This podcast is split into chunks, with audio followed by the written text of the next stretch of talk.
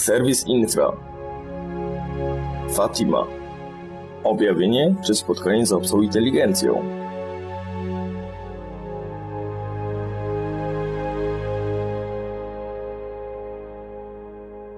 Witam Państwa w specjalnym programie przygotowanym przez serwis Infra na 95. rocznicę wydarzeń w Fatimie.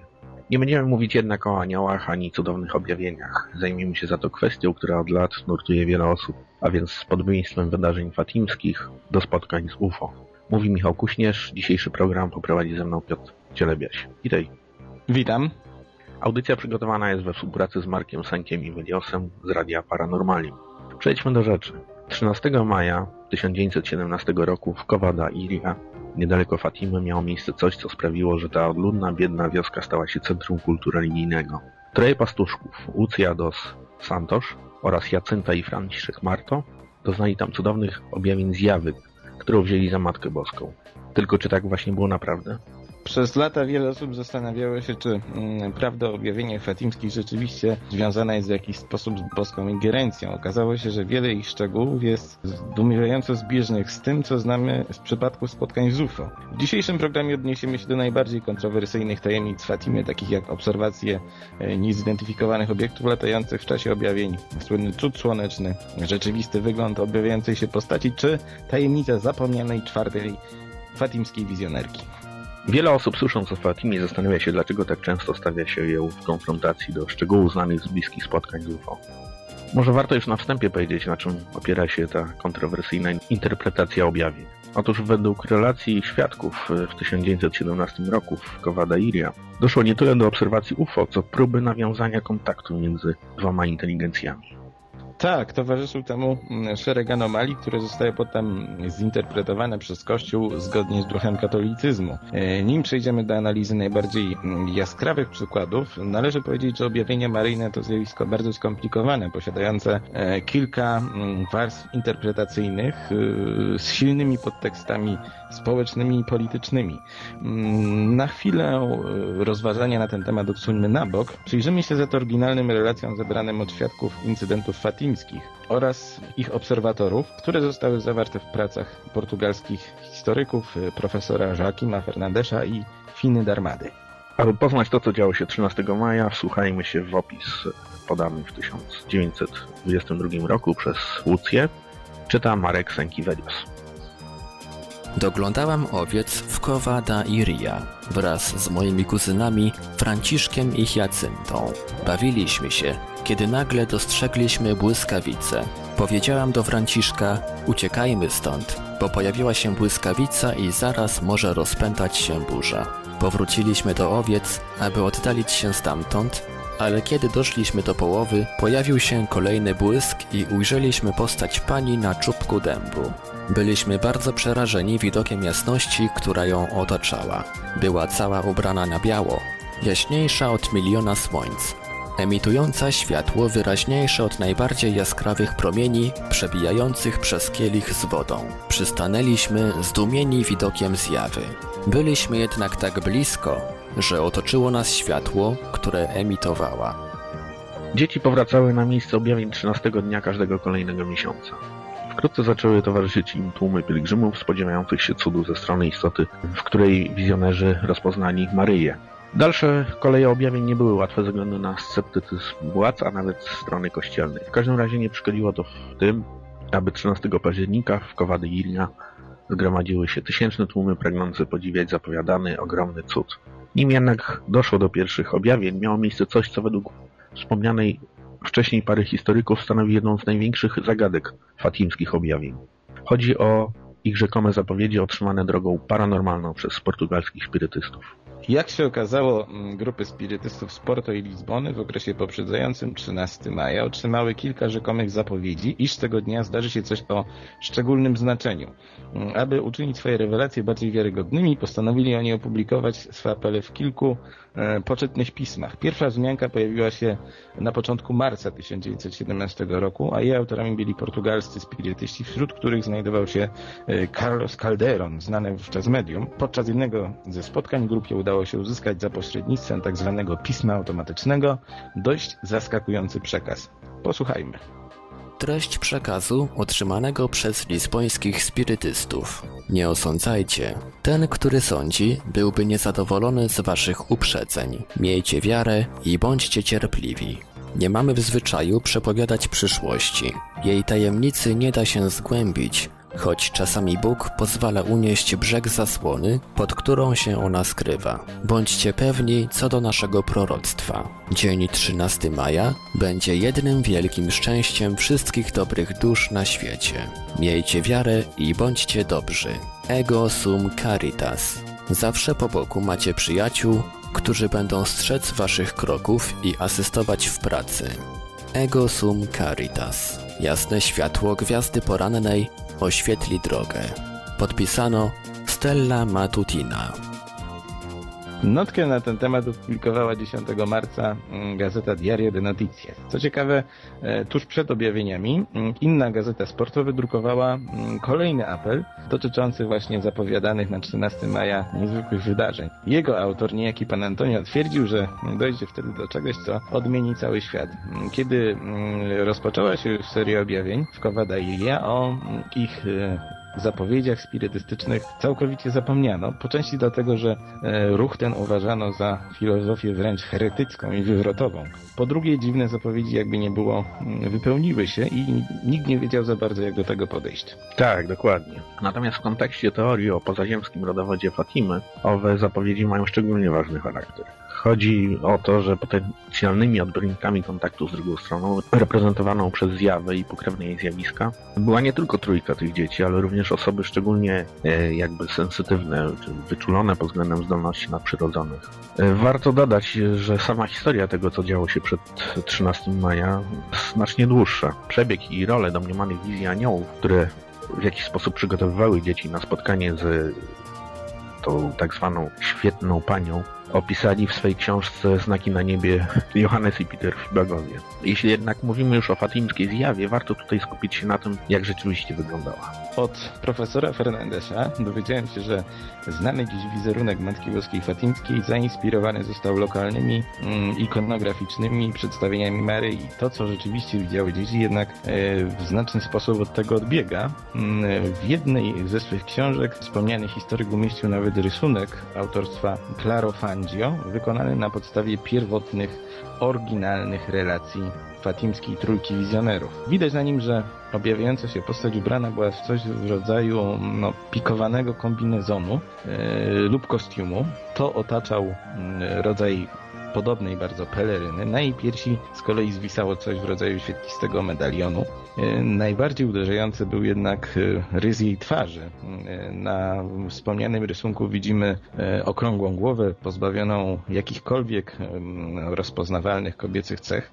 Co ciekawe, dzieci twierdziły, że Maria mówiła do nich po portugalsku, ale dźwięk jej głosu nie brzmiał całkiem normalnie. Jak pisała Maria de Freitas, pisarka poruszająca temat objawień fatimskich, przypominał on bardziej brzęczenie pszczoły. Tak, tak. Warto tutaj dodać, że w opisach wizjonerów dominowały takie określenia jak niesamowicie piękna e, czy cudna. Łucja na przykład mówiła o zjawie jako pięknej lalce, zaś Jacynta porównywała, porównywała ją z kilkunastoletnią czarnooką kobietą. E, z tego ustaleń wynikało, że wzrost zjawy wynosił zaledwie 110 cm. Nosiła na głowie również coś, co według wizjonerów zasłaniało jej uszy oraz włosy. Istota, mówiąc, nie poruszała ustami, okazjonalnie wykonywała jedynie jakieś ruchy dłońmi, zaś odchodząc odwracała się do wizjonerów plecami. Kiedy jednak mówimy o wizjonerach, warto wspomnieć o jeszcze jednym mało znanym aspekcie fatimskim. Otóż o istnieniu czwartej wizjonerki, Karoliny Carreiry, która w roku objawień w Kowada Iria widziała niedużego humanoida, który przekazał jej rzekomo telepatyczny komunikat. Posłuchajmy. Z relacji Karoliny Carreiry. Pewnego dnia usiadłyśmy i dopatrywałyśmy stada owiec szukających cienia. Przed nami przeszła karawana osłów. Był to dzień odpustu w Santa Catarina. Ponieważ zwierzęta były spokojne, powiedziałam do mojej towarzyszki Concepcion, chodźmy zobaczyć, czy jadą do Cova da Iria. Poszłyśmy tam w kierunku dębu. Koło niego moja świętej pamięci matka wzniosła kamienny płotek. Kiedy spojrzałyśmy, zobaczyłyśmy dziecko w wieku od 8 do 11 lat. ubrane na biało i chodzące wewnątrz ogrodzenia. Nagle zdawało mi się, że słyszę w głowie Chodź i zmów trzy zdrowaś Maryjo. Chodź i zmów trzy zdrowaś Maryjo. Po chwili uciekłyśmy z powrotem do stada, które jak się okazało było spokojne. Powiedziałam do mojej koleżanki Koncepcjon, chodź zobaczymy, czy on jeszcze tam jest. Kiedy tam doszłyśmy, okazało się, że jego postać widniała tuż ponad drzewem. Nagle znowu usłyszałam w głowie głos. Chodź i zmów trzy zdrowaś Maryjo. Rodzina Karairy zgłosiła sprawę organom kościelnym, jednak jej historia pozostała w ukryciu, głównie dlatego, aby nie burzyć fundamentów fatimskiego folkloru. Przypomnę może, że ze wszystkich świadków przeżyła tylko Łucja. E, Franciszek i Jacenta umarli niedługi czas po objawieniach w czasie epidemii grypy hiszpanki, co zresztą było zapowiedziane właśnie w czasie objawień. Doświadczenie Carreiry, która mm, również przeżyła Franciszka i Hiacyntę jest rzeczywiście niezwykle tajemnicze. E, Warto jednak dodać, że także inni ludzie doświadczyli na sobie różnego rodzaju oddziaływań ze strony zjawiska fatimskiego. E, Do najbardziej rozpowszechnionych należały obserwacje zagadkowych świateł, e, dziwacznych chmur, czy mm, też spotkania z nietypowymi, mm, że tak powiem, zjawiskami dźwiękowymi. Te ostatnie były słyszalne dla ludzi, którzy znajdowali się w bezpośrednim sąsiedztwie wizjonerów, e, głównie w czasie objawienia. Ojciec Hiacynty i Franciszka, Manuel Marto, twierdził, że e, słyszał dźwięki takie, jak wydawać mogłaby mm, wielka mucha zamknięta w słoiku, czyli mm, jakieś swego rodzaju brzęczenie. Identyczne wrażenia opisał niejaki Antonio Baptista, kolejny ze świadków wydarzeń fatimskich, E, Do ciekawszych relacji na temat anomalnych zjawisk e, w Cova d'Airia należą historie obserwacji świetlnych bombli widzianych w pobliżu dębu, nad którym unosiła się Matka Boska. Gilbert dos Santos, kolejny obserwator, twierdził, że z bliskiej odległości dało się widzieć coś w rodzaju m, wielokolorowej, przeźroczystej bańki otaczającej dąb, m, w pobliżu którego znajdowali się wizjonerzy. Owe bąble, m, nazwane przez jednego ze świadków latającymi oczami, widziane były także w powietrzu w górze. Jeżeli zaś chodzi o obserwacje różnego rodzaju niezidentyfikowanych świetlnych obiektów nad Fatimą, to relacji było na tyle dużo, że wspomniani historycy, czyli profesor Fernandez i Fina Darmada, podzielili je na kilka kategorii. Tak, dokładnie. Z tym, że trudno tutaj wymienić wszystkie tego typu incydenty. Może ograniczymy się do opisania y, kilku. W swoich pracach Fernandez i Darmanda odnoszą się m.in. do niezidentyfikowanych obiektów widywanych w chmurach. Do świadków obserwacji takowego należał wspomniany właśnie Manuel Marto, e, który mówił o swego rodzaju srebrnej kuli. Aby jednak uniknąć tutaj posądzeń o matactwa ze strony rodziny, odwołajmy się do relacji innych ludzi. Posłuchajmy, co o fatimskim UFO widzianym 13 września 1917 roku miał do powiedzenia lekarz dr Jose Maria Pereira Gensz. Kiedy Łucja powiedziała idzie i wskazała na wzgórza, wszyscy zebrani momentalnie skierowali tam swój wzrok. Dało się słyszeć jej radosne wołanie. Tam jest, tam jest. Nie oparłem się temu i podniosłem wzrok ku górze, w miejsce, które zostało wskazane. Ujrzałem wyraźnie jasny obiekt, który oddalał się na wschód. Obiekt był dłuższy niż szerszy, jaskrawy, Niebo było jasne i czyste. W miejscu, gdzie się znajdował, nie było ani chmury, tylko czysta, błękitna przestrzeń. Zauważyłem, że jasny obiekt znajdujący się naprzeciw mnie porusza się z wielką prędkością, oddalając się na wschód, gdzie zniknął. Nie były to jedyne relacje płynące od wiarygodnych obserwatorów. Wielebny João Quaresma, jeden z członków biskupiej komisji mm, badającej objawienia, stwierdził Z wielką uwagą obserwowałem lśniącą kulę, która poruszała się ze wschodu na zachód, powoli i majestatycznie szybując przez przestrzeń. Widział to również mój przyjaciel. Nagle kula zniknęła w towarzystwie niezwykle jasnego światła. Ze wszystkich tych dziwnych zdarzeń, e, o których można sobie przeczytać mm, w książkach autorstwa mm, portugalskich historyków, których już cytowaliśmy, najdziwniejszy był jednak tak zwany fatimski cud słońca. No tak, to było zdarzenie o niezwykłej skali. Do dzisiaj o nim się mówi. Przez y, z kolei zwolenników właśnie tej paranormalnej interpretacji Fatimy y, nazywany jest jawną manifestacją tożsamości objawiającej się tej innej strony. Warto przypomnieć, że wizjonerzy uzyskali zapowiedź, iż 13 października 17 roku Dzień Cudu Słonecznego będzie miał przełomowe znaczenie. Według różnych szacunków kowa Dairia zjawiło się wtedy kilkadziesiąt tysięcy osób. Opis cudu słonecznego znamy z relacji wielu osób. Do października o objawieniach zrobiło się na tyle głośno, że na miejsce zaczęli przybywać nie tylko przedstawiciele ludu, ale również reporterzy, a także przedstawiciele inteligencji. I dzięki temu mamy udokumentowane kilka bardzo interesujących opisów tego zjawiska. Posłuchajmy jeszcze ponownie. Na jasnym niebie widać było słońce, na które można było patrzeć z otwartymi oczyma, bez mrużenia. Wyglądało jak oświetlony z tyłu dysk z wypolerowanego metalu z tęczową jasnością na obrzeżach, poruszający się, jak się zdawało, wokół własnej osi. Słońce to nie raziło w oczy, jak to zwykle bywa.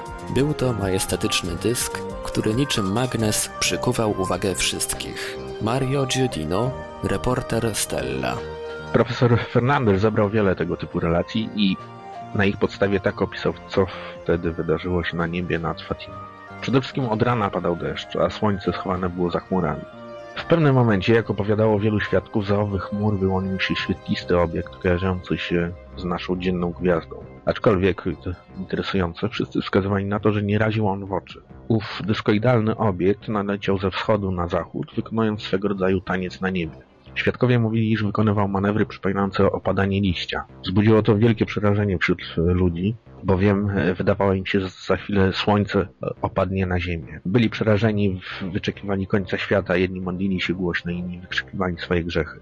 Tymczasem ów obiekt, tak zwane słońce, po wykonaniu licznych akrobacji właśnie tego typu opadania, wznoszenia się, po kilkunastu minutach, bo różnie ocenia się czas trwania tego cudu, zazwyczaj mówi się o 10-15 minutach, po prostu obiekt znikł z pola widzenia tego wielotysięcznego tłumu, a po chwili na niebie pojawiło się już to prawdziwe, rzeczywiste słońce.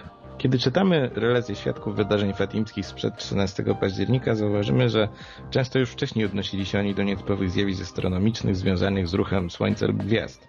Cud słoneczny miał jednak odmienny charakter i co ciekawe, mm, widoczny był też z innych miejsc niż Kowa Dairia. Wskazuje to, że nie był raczej to rodzaj omamu, jak sugerują sceptycy, czy też jakaś prosta anomalia pogodowa.